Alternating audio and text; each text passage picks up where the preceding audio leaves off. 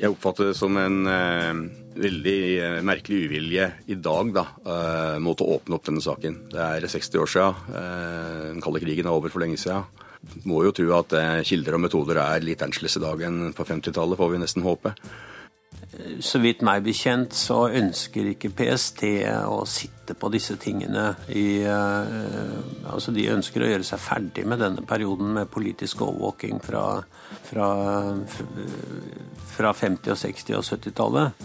Så jeg tror nok det her har vært et samspill da mellom Justisdepartementet og, og, og, PSTs ledelse, uten at noen egentlig har uh, tenkt igjennom Eh, hvor fornuftig et sånt avslag er. PST og tidligere POT har aldri hatt noen åpenhetsstrategi. De har aldri spurt eh, seg sjøl hvor mye kan vi egentlig legge åpent på bordet uten at det skader arbeidet vårt. De har snarere snudd problemstillinga og spurt seg sjøl hvor mye kan vi holde skjult uten at vi, eh, uten at vi eh, får altfor mye åpenbar kritikk for akkurat dette. Kurer. NRK P2. Lange køer utenfor Oslo tinghus venter på å høre dommen i spionsaken mot Asbjørn Sunde og Erling Nordby. De tiltalte tar plass og venter i spenning på domsresultatet, som det tar over to timer å lese opp. Statsadvokaten er på plass. Høye embetsmenn innen politi og rettsvesen er oppmerksomme tilhørere, og forsvarerne kan nå intet mer gjøre. Retten har gransket bevisene og alt som kan anføres både i skjerpende og formildende retning for de tiltalte. Nå er det bare å vente på lagmann Lundes kunngjøring av dommen. Åtte års fengsel for Sunde, tre år for Nordby. Slik skildret Ukerevyen den 3. juni 1954 domsavsigelsen i en av de største spionsakene vi har hatt her til lands. Hovedmannen i saken var en av de mest myteomspunne helter fra krigens dager, Motstandsmannen og kommunisten Asbjørn Sunde, leder av den såkalte Osvald-gruppen, som utførte en rekke modige aksjoner mot den tyske okkupasjonsmakten og deres norske medløpere under den annen verdenskrig. Rettssaken mot Sunde foregikk under den kalde krigen, og han ble dømt til åtte års fengsel for spionasje for Sovjetunionen.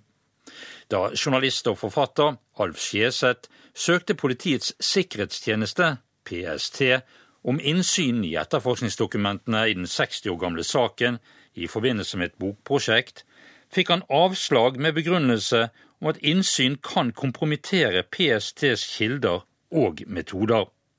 Redaktør Harald Stanghell i Aftenposten har fulgt PSTs arbeid i mange år, ikke minst gjennom Treholt-saken. Han stiller seg mildt talt undrende til avslaget. Nei, Jeg syns det er en veldig uklok eh, behandling. Det er absolutt ingen tryggingsgrunner til at ei 60 år gammel sak trenger være eh, hemmelighetsstempla fortsatt.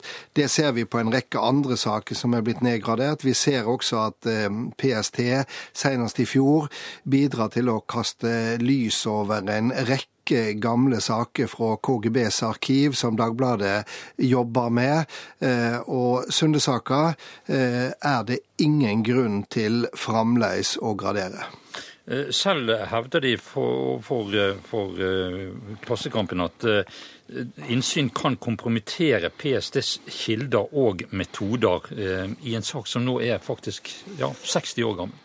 Ja, Når det gjelder metoder, så er det helt uh, utenkelig at uh, det kan kompromittere noe. Når det gjelder uh, kjelde og eventuelt navn, så er det fullt mulig å sladde dem. Det er jo ikke navnene i saka som er mest interessant.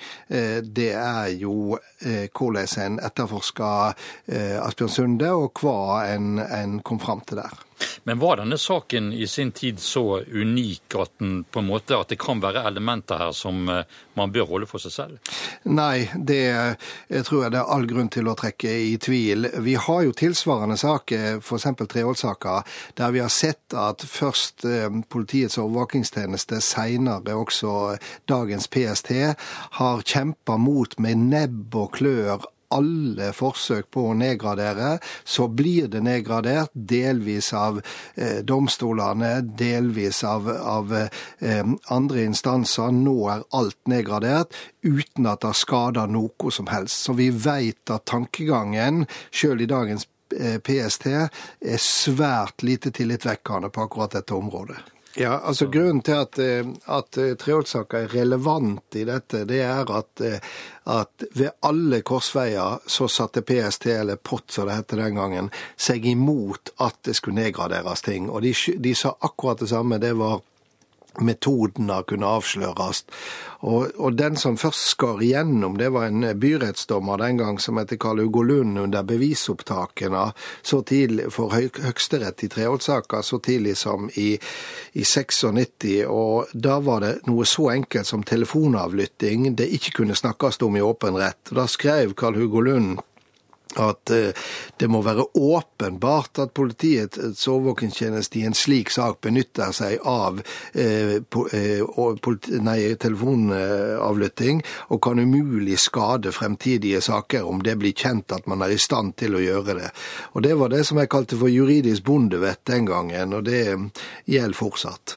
Men hva er det da, hvilke mekanismer er det som gjør at PST er så hva skal vi si, konservative i forhold til dette? Ja, Det kan jo være to grunner til det. Det ene er en ibuende, eh, ibuende konservatisme i forhold til åpenhet.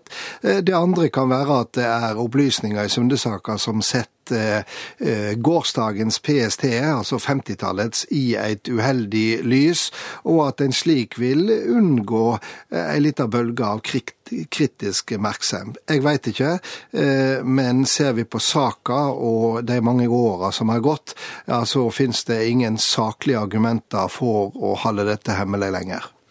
Dette er jo skadelig i forhold til den debatten vi har hatt. Det virker jo kanskje litt skadelig på, på folks forhold til, til, de hemmelige tjenestene, og da spesielt av PST, ved at de er så påholdne? Ja, definitivt. Dette går jo på at eh, PST bør ha all interesse at vi har tillit til de avgjørelsene de kommer.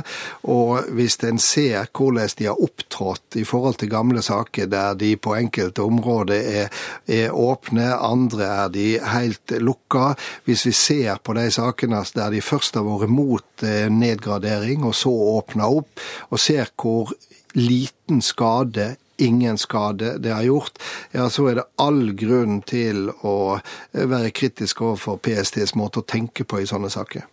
Andre vil jo kanskje hevde at, eh, at det ikke kan være åpen på alt. Det er jo tross alt en hemmelig tjeneste vi snakker om her. Ja da, og det finnes masse opplysninger og masse kildeopplysninger i dagens PST eh, som eh, vi må ha forståing for at de ikke kan legge på offentlighetens eh, bord. Men nå snakker vi ikke om 2015, vi snakker om eh, 1955 og eldre enn det. PST og tidligere POT har aldri hatt noe åpenhetsstrategi. De har aldri spurt seg sjøl hvor mye kan vi egentlig legge åpent på bordet uten at det skader arbeidet vårt.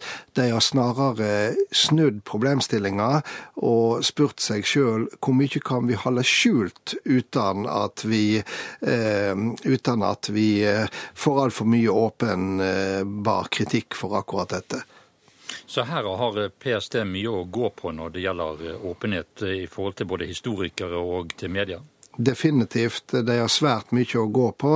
Eh, og i gode stunder så vet de det sjøl, men det er dessverre langt mellom liv og lære i PST på dette feltet. Men har det vært noen god dialog mellom media, f.eks. Redaktørforeningen eller Journalistlaget, og eh, PST på dette området? Ja, Om dialogen har vært god, kan sikkert diskuteres. Men eh, senest i forbindelse med eh, avgradering av Treholt-dommen, så var det jo stor aktivitet eh, mellom styresmaktene og eh, eh, ulike medier. Det var jo også en eh, felles aksjon fra toneangivende norske medier med god hjelp fra presseorganisasjonene, som til slutt førte fram at en fikk nedgradert dette. Eh, når du ser det siste, dette med, med eh, Alf Skjeseths eh, arbeid med boken om Sunde og hans begjæring om å få innsyn i disse 60 år gamle papirene, gir det deg jeg, en optimistisk følelse om, om større åpenhet? Nei, det gjør ikke det. Og det står for meg som å være nokså meningsløst. Som sagt, når det gjelder metodebruk, når det gjelder realitetene i saka, så er det ingen grunn til å holde dette eh, for, lukka i, i, i skuffe og skap. Eh, det kan være navn som går på personvern her, som, som eh, er fortsatt verdt å sladde. Det er heller ikke noe problem. Men hvorfor er det viktig at man, man har en åpenhet, f.eks. For i forhold til disse papirene her vi snakker om nå? Ja, Vårt eh, samfunn er bygd på åpenhet. Åpenhet er grunnlaget for eh, tillit mellom offentlighet og styresmakter. Eh, og i myteomspunne symbolsaker så er ikke den åpenheten mindre viktig enn i andre saker. Det er selve forutsetninga for vårt rettssystem. Det er faktisk åpenhet, og det skal en hegne om og ta vare på sa redaktør Harald Stanghelle i Aftenposten. PST har fått anledning til å kommentere avslaget, men har foretrukket å sende denne redegjørelsen i brevs form. Alle anmodninger om innsyn blir vurdert individuelt. Opplysninger som er underlagt lovbestemt taushetsplikt, kan det ikke gis innsyn i, og det må foretas en grundig vurdering i hvert enkelt tilfelle. I denne vurderingen er hensynet til den enkeltes personvern sentralt. Slike hensyn kan gjøre seg gjeldende til tross for at vedkommende som omhandles i de aktuelle dokumentene, er død. Sikkerhetsgraderte opplysninger kan PST heller ikke gi innsyn i, da dette kan avsløre våre metoder, kilder, forholdet til andre stater osv. Utgangspunktet i politiregisterloven er at det ikke er innsyn i PSTs registre, og offentlighetsloven gjelder ikke. De fleste innsynsbegjæringer blir dermed avslått. Men da vi uh, merka at skytingen ble innstilt fra en bestemt kant av skogen, så storma vi ut resten av oss ti, dvs. Si åtte stykker, da, og kom oss i dekning uten at noen av oss ble truffet. Hvor mange tyske var det med i denne aksjonen? Det ble sagt at eh, i løpet av den dagen var det samla 5000 tyskere i Oppland. I alle fall er det en kjensgjerning at alle hovedveier var sperra av tyskere med en tysker på hver 50 meters avstand. Men på sjølve angrepet vi, kan vi regne med at det var en 40-50 stykker. Dette var et klipp fra et av de sjeldne intervjuene Asbjørn Sunde ga, her til NRKs Steinar Brauteseth. Historiker Lars Borgersrud er en av de fremste kjennere av den kommunistiske motstandskampen her til lands. Han sier dette om Asbjørn Sundes innsats under krigen. Ja, Sunde var jo eh, på mange måter Norges viktigste sabotasjeleder. Eh, Eh, men i en situasjon der sabotasje i seg selv var omstridt og ble sterkt motarbeidet av, eh, av, eh, både regjeringen i London og den senere hjemmefrontledelsen i, i Norge. Slik at allerede med utgangspunkt i, i krigsårene så var Sunde da omstridt fordi at han hadde ledet en type motstand under krigen som de daværende politiske lederne i London og hjemmefrontsledelsen hadde motarbeidet, men som de bifalt helt på slutten av krigen. Da alle på en måte var tilhengere av sabotasje. Ehm, det er nok utgangspunktet for mytene rundt Sunde. Eh, fordi det ble jo da ganske viktig å gjenfortelle denne historien i tråd med de interessene ulike personer eh, hadde hatt. Det politiske klimaet fra krigsslutt og fremover mot 50-tallet, hvordan vil du beskrive det? Ja, Den avgjørende forandringen kom nok i, eh, i et stykke ut i 1948, hvor mye preget av begivenhetene i Øst-Europa, i Tsjekkoslovakia f.eks., og satte preg på det. Eh, blokaden av Berlin, den internasjonale spenningen skjerpet seg. Og, og det brøt ut borgerkrig i Kina. Og så dette, den kalde krigens bølger som skvalpet opp på våre strender, var jo selvfølgelig resultatet av disse storpolitiske forandringene. Det snudde da veldig fort opp ned på det politiske bildet i Norge. Og Norge gikk da med i Nato og ble nær alliert med USA. Og um, bygde opp hemmelige tjenester som da jobbet intenst med å overvåke og bekjempe um, den kommunistiske bevegelsen i Norge. Eh, dette fikk vel også Sunde erfare, og han ble jo etter hvert også da anholdt for, eh, eller arrestert for, eh, for eh, spionasje. Det var vel i 1954. Og etter hvert så, så kom jo rettssaken opp, og, og, og det kom en, en, dom i juni 1954 hvor han ble sammen med en annen fikk åtte års uh, fengsel for spionasje til uh, fordel for Sovjetunionen. Uh, var denne dommen, tror du, politisk motivert? de politiske overtonene i saken eh, er relativt klare. Eh, man hadde jo hamret løs mot kommunistene siden i hvert fall eh, tidlig 49. Og, og, men stort sett hadde dette da vært en politisk kamp da, som særlig hadde foregått i fagbevegelsen. Og, og myndighetene var svært interessert i å å kunne vise at kommunistene også var landsforrædere og illojale. Eh, og trengte da en dom, og de trengte en spionasjesak. Dette har vi også eh, et direkte bevis på i form av en uttalelse av justisminister Rose Gundersen til eh, to ansatte i Forsvarets etterretningstjeneste på denne tiden. Og så uh, gikk det over 60 år, og så spurte en journalist om innsyn fordi at han skulle skrive en, uh, en bok nå. Um, og fikk da uh, avslag på dette fordi at dette kunne svekke politiet. Um, Forstår du eh, PST eh, når de gir en slik begrunnelse? Så vidt meg bekjent så ønsker ikke PST å sitte på disse tingene i eh, Altså de ønsker å gjøre seg ferdig med denne perioden med politisk overvåking fra, fra, fra 50-, og 60- og 70-tallet. Så jeg tror nok det her har vært et samspill da, mellom Justisdepartementet og og, og PSTs ledelse, uten at noen egentlig har uh, tenkt igjennom uh, hvor fornuftig et sånt avslag er. Jeg har jo hatt tilgang til dette materialet, og, og det er ikke noe i det som tilsier at, at ikke en journalist som, som Alf Skjeseth skulle kunne få tilgang til det. Så, så det er en, en merkelig, en merkelig et merkelig avslag, syns jeg nå. Sa historiker Lars Borgersrud. Det var altså journalist og forfatter Alf Skjeseth som fikk avslag på søknad om innsyn i de nå 60 år gamle etterforskningsdokumentene i forbindelse med arbeidet med en bok om Asbjørn Sunde. Her forteller han om bokprosjektet.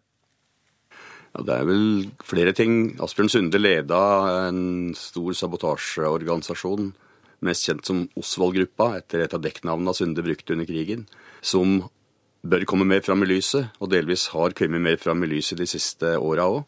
I tillegg så er det et eh, mystisk og tragisk eh, kapittel i Sundes liv som eh, fortjener mer belysning, nemlig at han etter krigen ble eh, arrestert og dømt for eh, spionasje for Sovjetunionen i 1954 var den største spionsaken i Norge mellom krigen og Treholt-saken 30 år seinere. Uh, han hadde vel eh, etter krigens avslutning i 45 en ganske høy stjerne i, i, det norske folk, så dette må jo ha vært en uh, ganske bra utforbakke for ham. Han var uh, veldig respektert for det han hadde gjort, men etter hvert så skjedde det en forskjellsbehandling mellom hans miljø av motstandsfolk og det jeg har kalt mer kondisjonerte deler av motstandsfronten representert ved folk som Gunnar Skjønsteby og Max Manus og kanskje tungtvannssabotører på Rjukan, som da var mye mer i, kritthus i norske samfunn enn disse folka til Osvold i Osvold-gruppa, som da så Osvold sjøl var en overbevist kommunist. Han hadde flere kommunister i gruppa si, men slett ikke alle var det. Men uansett så var det mange av disse folka som ikke eh, hadde det lett etter krigen, og ble både gjemt og glemt, kan du si. Så, eh, men, men, i begynnelsen, etter krigen, så var Sunde en veldig respektert person. Den 3. juni 1954 falt dommen, og det ble åtte års eh, fengsel. Eh, nå 60 år etterpå så søkte jo dere om eh, å få tilgang til papirene rundt denne rettssaken og etterforskningen. Der fikk dere nei. Hvordan reagerte du på det? Ja, det var jo helt eh, nødvendig å prøve å få innsyn i grunnlaget for saken. Og det var jo ikke bare dommen, altså rettssaken, for det var jo bare avslutningen. Det hadde jo pågått en spaning, en overvåking og en etterforskning mot Sunde i ja, fem års tid, tror jeg. Han var desidert overvåkingspolitiets hovedobjekt i mange år, og det ble samla en stor mengde informasjon om hva han gjorde.